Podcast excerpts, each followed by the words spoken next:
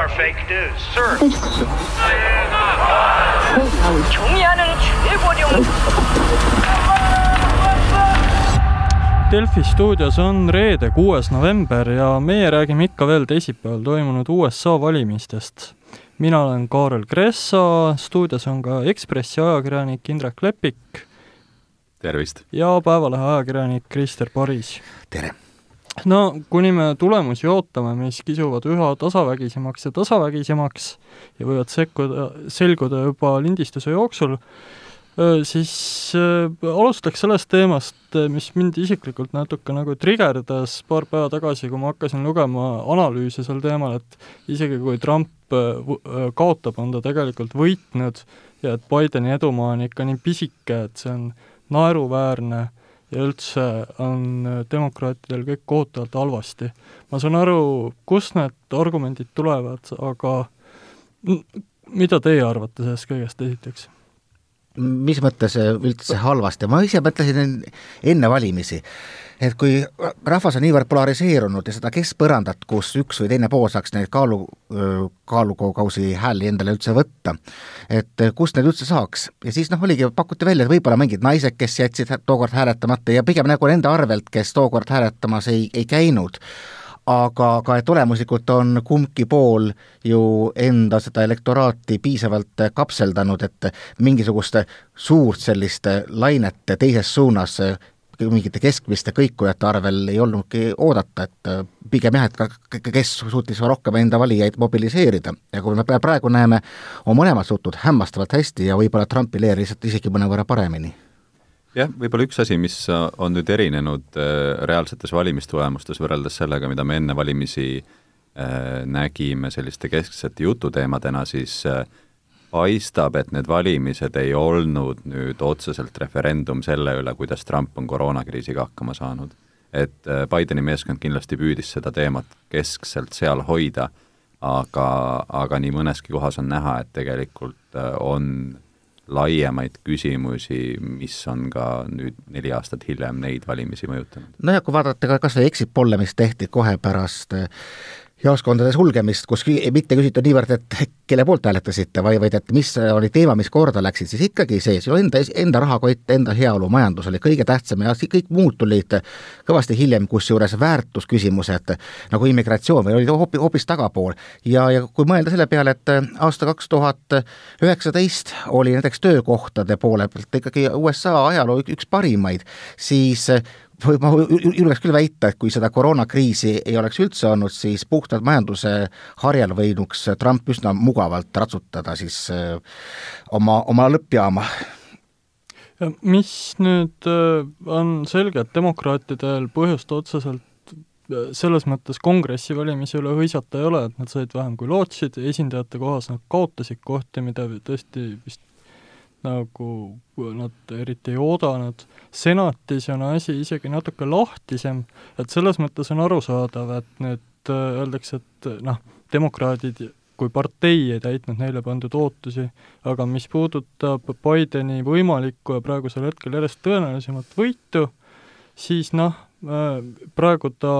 on saanud juba rohkem hääli kui ükski teine presidendikandidaat USA ajaloos ja samuti, kui ta nüüd äh, praegused trendid jätkuvad ja ta võidab kaheksast võtmeosariigist siis viies, siis tekib ikkagi küsimus, et kus see nagu napp võit on, mismoodi see on napp võit, kui ta jääb näiteks võib-olla mingi viie miljoni häälega peale, saab rohkem hääli kui keegi teine kunagises ajaloos? Ja noh, et kas me ütleksime äh, Trumpi puhul samasuguses olukorras, et jaa, et vot see hääletus näitas, et nüüd Trump peab oma teisel ametiajal hakkama vähemuste ja vasakpoolsetega arvestama. See märkus tõi meelde, vaatasin CNN-i, mis on küll teada-tuntud Trumpi kriitiline kanal olnud, aga ühte eksperti, kes, kes ütles, et no vot, kui nüüd äh, Trump tuleb neljaks aastaks tagasi, siis ta just nimelt ei pea arvestama mitte millegagi, et varem tal ikkagi oli, võib-olla pidi mõtlema natukenegi selle peale, et kuivõrd tema mingisugune poliitika või sõna, sõnakasutus kahjustab tema tagasivalimisvõimalusi, aga nüüd on siis see Trump unleashed, seda lihtsalt väikeseks kommentaariks. ma ei tea, noh, ennekõike näitab see ikkagi kogu seda noh, polar-, polariseeritust, et, et see, kas sul on nüüd natukene peal, ütleme, hääled tulevad ütleme viiskümmend kolm, nelikümmend seitsme vastu, see ikkagi näitab, et et seda ülejäänud poolt Ameerikat pole Biden ega demokraadid suutnud mitte kuidagi veenda, et Trumpi äh, isik ja tema poliitikad kuidagi võiksid olla vastuvõetamatud. ja ma arvan, et me unustame ikkagi ka seda, et äh, kahe tuhande kuueteistkümnendal aastal olid valimised väga-väga tasavägised, et olenemata sellest, äh, kui suur oli valijameeste kogus lõpuks Trumpi edu, siis tegelikult me saame ikkagi ju väita, et otsustasid need seitsekümmend seitse tuhat häält, mis oli Trumpil enam Wisconsini, Michigani ja Pennsylvania peale, sest et sealt tuleb neljakümne kuue valijamehe hääl ja ilma nendeta ei oleks olnud ka valimisvõitu, ehk siis tegelikult me saame rääkida ikkagi ka kahe tuhande kuueteistkümnendal aastal erakordselt tasavägistest valimistest. No ja see on tegelikult ju trend, mis on olnud äh, väga, väga, väga pikka aega, et noh, kõik meenutavad aastat kaks tuhat, äh, kus oli siis äh, George Bush Al, Al Gore'i vastu ja, ja lõpuks ka pärast pikka häälte lugemist lõpuks põhimõtteliselt ülemkohtu otsusega siis see otsus langetati, et praegu lihtsalt noh, Trumpi poliitika on muutunud selle õhkkonna niivõrd toksiliseks, et see on põhjus, mispärast kogu seda, kõiki neid valimisi üldse niivõrd närviliselt jälgitakse. see annab mulle võimaluse siduda see vabariiklaste praeguse käitumisega, sest just kahe tuhandel aastal, kui Bush pidi kaitsma ennast Floridas, et häälte lugemine tähtajaks lõpeks, siis teda toetas ähm, noh, kogu vabariiklaste eliit ja tal oli taga selline juriidiline tiim, et nendest kolm on praegu ülemkohtunikud, et ükskõik, mida keegi arvaks, näiteks ülemkohtunik Kavanaugh'st või uuest ülemkohtunikust kuni Barrettist, siis noh,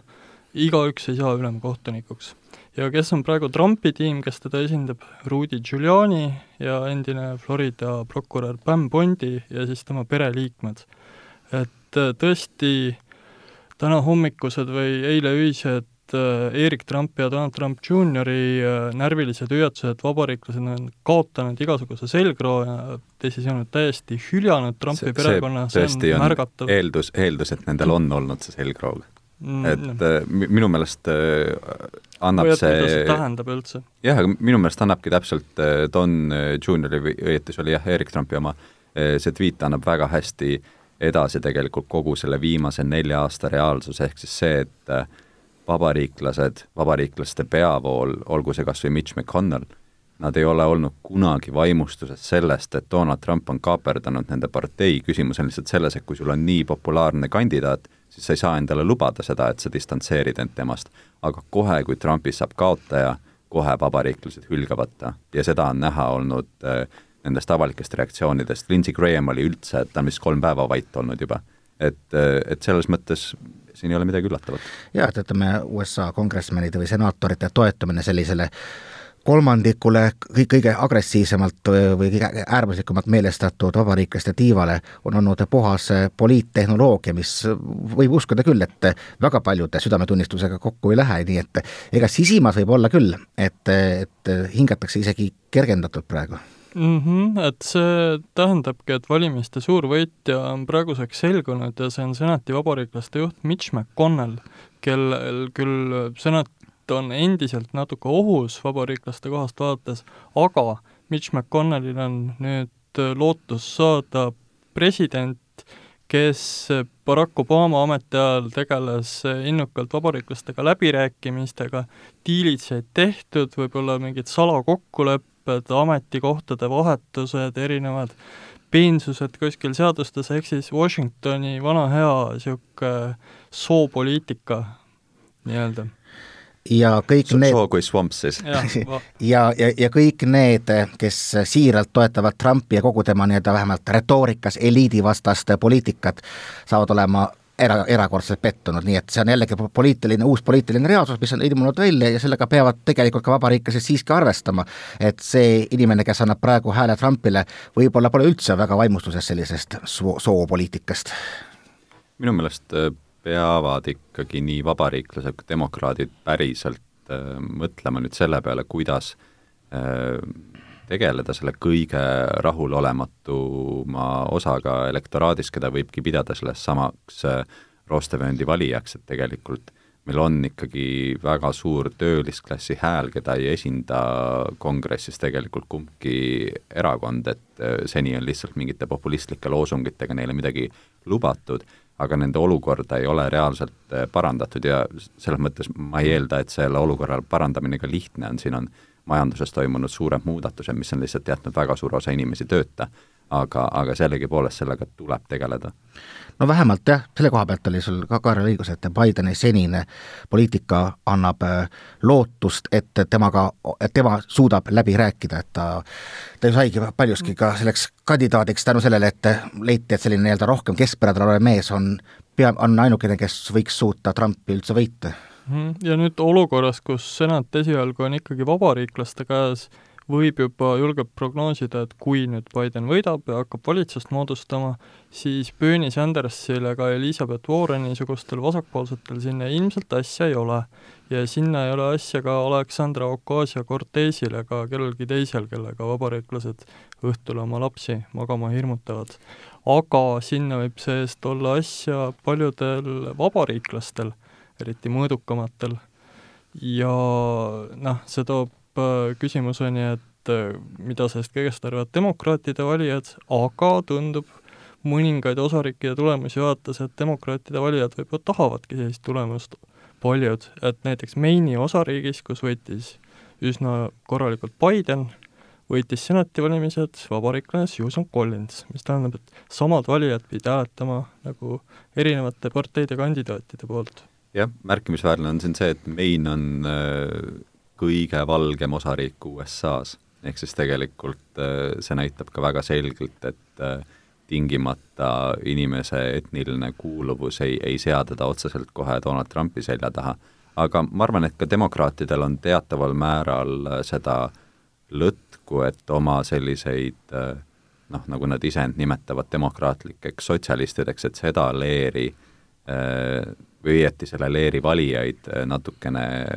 noh, vähemasti nende entusiasmi vähendada, sellepärast et tegelikult need osariigid, kus äh, taolisi valijaid kõige rohkem on, nendes osariikides on ka demokraatide võit niikuinii kogu aeg kindel olnud, ehk siis tegelikult äh, neil ei ole nüüd äh, seda muret, et tegu on sellise Michigani või Wisconsini-suguse osariigiga, kus paar protsenti toetuse langust kohe mingit rolli hakkab mängima jah, et eilsel Zoomi koosolekul olevalt väidetavalt mõned demokraatide liidrid ka karjunud, et sõna sotsialism ei taha me selles majas enam kunagi kuulda, et me kaotasime võitlused, mille me oleks pidanud võitma. aga muide, see etniline aspekt ongi, siin on juba selgunud, kuidas need võtmeosariikides on just see etniline aspekt üllataval kombel rolli mänginud, et esiteks see, et Trump Floridas sai poole latiinode ajast või isegi natuke üle poole, noh, see näitab tõsi, see on vabariiklaste töövõit, see, kuidas nad kohapeal kampaaniat tegid ja kuidas demokraadid ilmselt ignoreerisid neid latiinosid, võtsid enesestmõistetavana, ja teine asi see, et kust Biden jällegi näpistas oma Michigani ja Wisconsini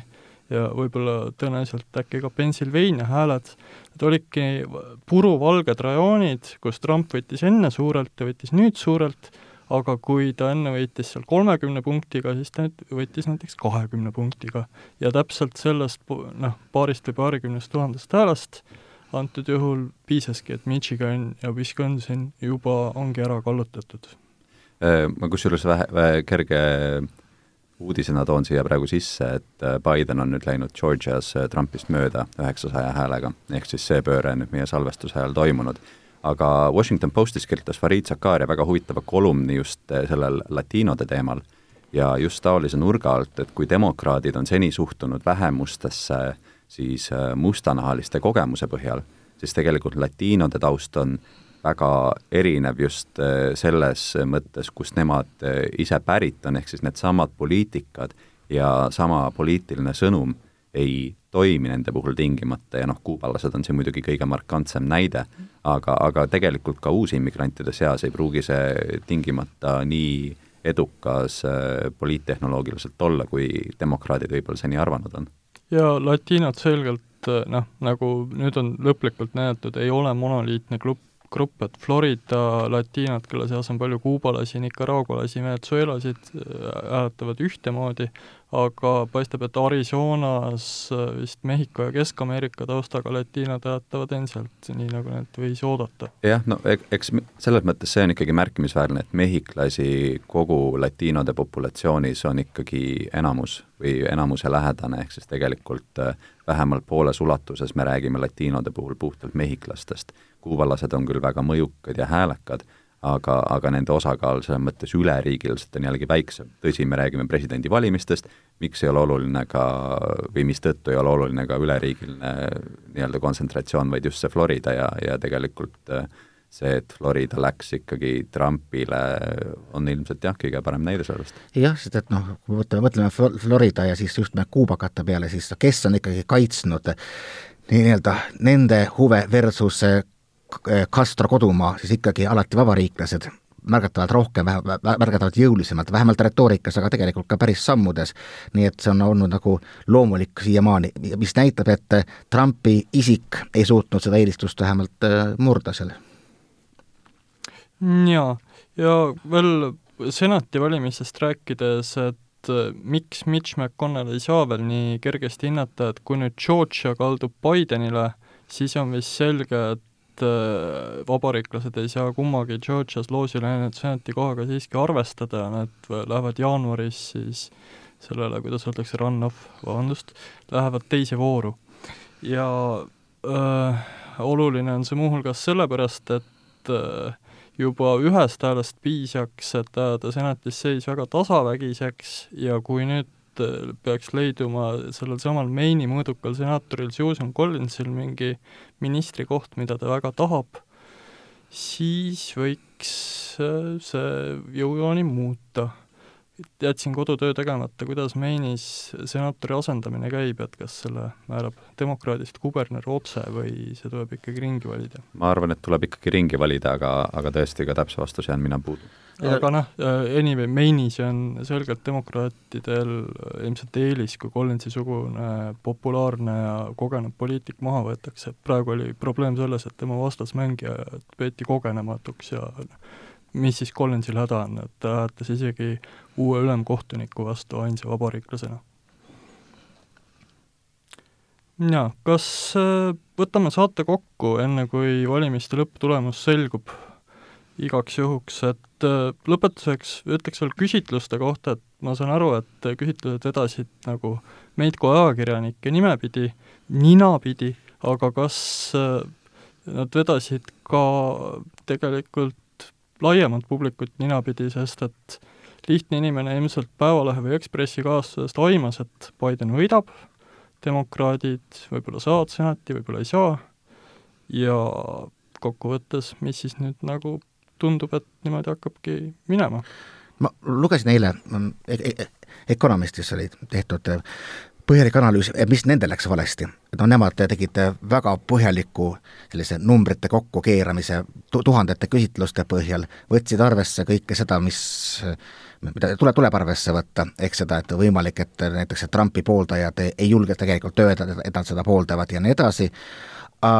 ja panid need kõikvõimalikesse mudelitesse ja ütlesid, et noh, nende ennustustega see klappis, aga ta klappis täpselt niimoodi alumise ääre peal. et eh, natukene veel ja oleks sealt läinud välja ja mis oli nagu peamine õppetund, oli see, et ja mida te ütlesite, et, et võib-olla sotsioloogid ei suudagi enam kuidagi lahendada, on see, et kui, kui Trumpi pooldajad lihtsalt eh, ei ole valmis küsitlejatega rääkima ja nad ei anna mitte mingisugust vastust. ja seda ei ole väga võimalik panna mudelitesse, sa ei saa samas kuidagi eeldada, et kui vastust ei anna, et küllap on salajane Trumpi pooldaja. ja see on see, mis tõenäoliselt ka kõik need sellised ka korre-, korreleeri-, korreleeritud mudelid praegu öö, paindesse ajas ja kus tõepoolest võimalik, et nii kergesti lahendust ei leitagi, sest et ei maksa arvata, et kõik need küsitlejad, kes kaks tuhat kuusteist puusse panid, neli aastat ise kodutööd ei teinud ja ei üritanud seekord võimalikult siis ikkagi täpsed olla ma arvan, et või vähemasti kaks asja, mille peale mina olen seoses nende uuringutega mõelnud, et esimene on kindlasti see, et meie taju sellest, kui mööda need läksid, mõjutas väga suurel määral see, mida me kolmapäeva hommikul nägime. ehk siis tegelikult nüüd olukorras, kus on eelhääletuse ja kirjadel antud häälte tulemused järele tulnud, siis tegelikult on ka see pilt äh, teataval määral normaliseerunud ja ma ütlen, et noh, näiteks Florida või Texase vabariiklastele minek ei ole ju mm. Väljaspool uuringutulemuste seda veamarginaali, et selles mõttes kindlasti ei Floridas ega Texases ei räägitud sellest, et demokraadid kindlasti võidavad need. Aga, aga tõsi ta on, et ega, ega me täpsemaks ei ole neid tulemusi kindlasti saanud, kui palju mängis siin nüüd rolli see, et tegelikult ütleme, see valimissituatsioon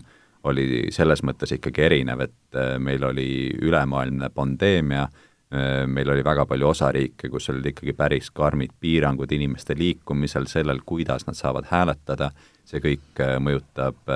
ka valimiskäitumist et, et siin oli ka kindlasti tavapärasest enam neid äh, muutujaid ja noh, kui me vaatame ainuüksi ka seda, kui suur oli valimisaktiivsus, siis jällegi see oli üks asi, mida muidu võib enam-vähem konstandina võtta, aga nüüd äh, tõi selge, selge, selge nagu muutuse. et, äh, et ma päris nagu võib-olla nii kaugele ei läheks, et, et äh, uuringud sel korral nagu läbi kukkusid, et äh, lõppkokkuvõttes ennustati Bidenile võitu, ennustati Bidenile äh, roostevööndi võtmeosariikide võitmist ja praeguse seisuga ikkagi paistab, et tegelikult ka niimoodi läks, et kus exit'i oli, oli vähemasti praeguse tunnetuse järgi siis tõesti need latiinode hääled. ja kui ma vaatan näiteks pealkirju, mis olid vahetult enne hääletust, siis valdavalt ikkagi domineeris mitte see, et tuleb sinine laine, domineeris see, et tuleb cliffhanger, tuleb selline äh, nailbite'iga siis, siis äh, sõrmeküünte närimise võitlus, kus me ei pruugi teada lõplikku võitjat veel nädalaid, võib-olla isegi mitte kuid, et pigem oli ikkagi see hinnang, et ja. läheb väga ta-, tasavägiseks. ja tegelikult öeldi välja, et tõenäoliselt Trump läheb paljudes kohtades juhtima ja siis see tema miraaž äh, hojub, sest et hakkavad tulema Detroiti ja Minneapolise hääled ja kirjadel tulevad hääled, kus oluline märkida, vabariiklased tegid põhimõtteliselt oma toetajate sees kampaaniat, et need kasutaks ainult ühte hää- või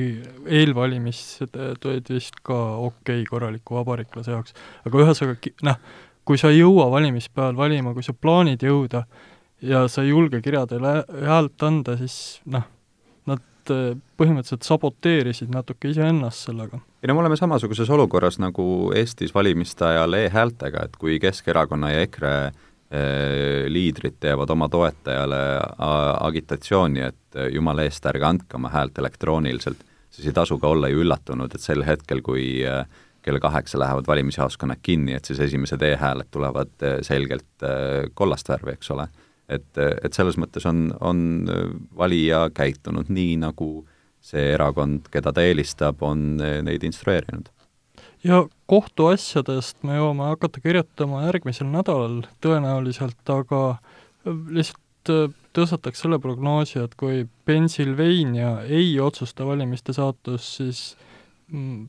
mis te pakuks, kas need kohtuasjad võivad mõjutada midagi, kui Georgia, Arizona, Nevada lähevad kõik Bidenile? No, no võivad noh, võib-olla jah, mingisugust võimaldavad hoida veel tükk aega õhus asiotaaži, et näete, midagi on ikkagi valesti, see on see, mis millele Trump praegu rõhub, et ega nad ei suuda kuidagi ilmselt väärata tegelikku tulemust. Ja kui me vaatame nende esimeste kohtuasjade, isegi, isegi lahendeid, siis on nad visatud välja üsna sellise nii-öelda kohtunike naerutursatuste saatel, et need ei ole nagu tõsiseltvõetavad olnud siiamaani jah, et päris niisama ei saa lihtsalt, et ma lähen kohtusse ja siis hakkab kogu protsess justkui nagu uuesti pihta, aga näiteks äh, Joe Biden on juba seda olukorda ka selles suhtes ära kasutanud, et oma toetajatele saadab ta juba e-kirju sisuga, et äh, toetage mind edasi, aidake mul enda kampaaniat kohtus kaitsta, et tegelikult äh, siin juba ka demokraadid koguvad seda oma niinimetatud sõjalaegast, et, et olla ka nendeks äh, vaidlusteks äh, ka finantsiliselt valmis. ja milleks me peame olema valmis, et eriti osariikides, kus see vahe jääb lõpuks alla ühe protsendi, läheb ilmselt asi häälte ülelugemisele koos kogu selle siis kohtuprotsesside ja muu käraga selle juurde? no mõnel pool läheb automaatselt, aga näiteks Michiganis pole see nüüd võimalik, sest kui on suurem kui kaks tuhat häält vahetust, siis äh, peab ka olema mingi tõend, et midagi on valesti tehtud, nii kohutav kui see ka ei oleks. aga aitäh, lähme siis oma arvutite taha tagasi, mina olin Kaarel Kressa, stuudios olid Indrek Lepik ja Krister Paris, aitäh kuulamast! You are fake news, sir. 종이하는 최고령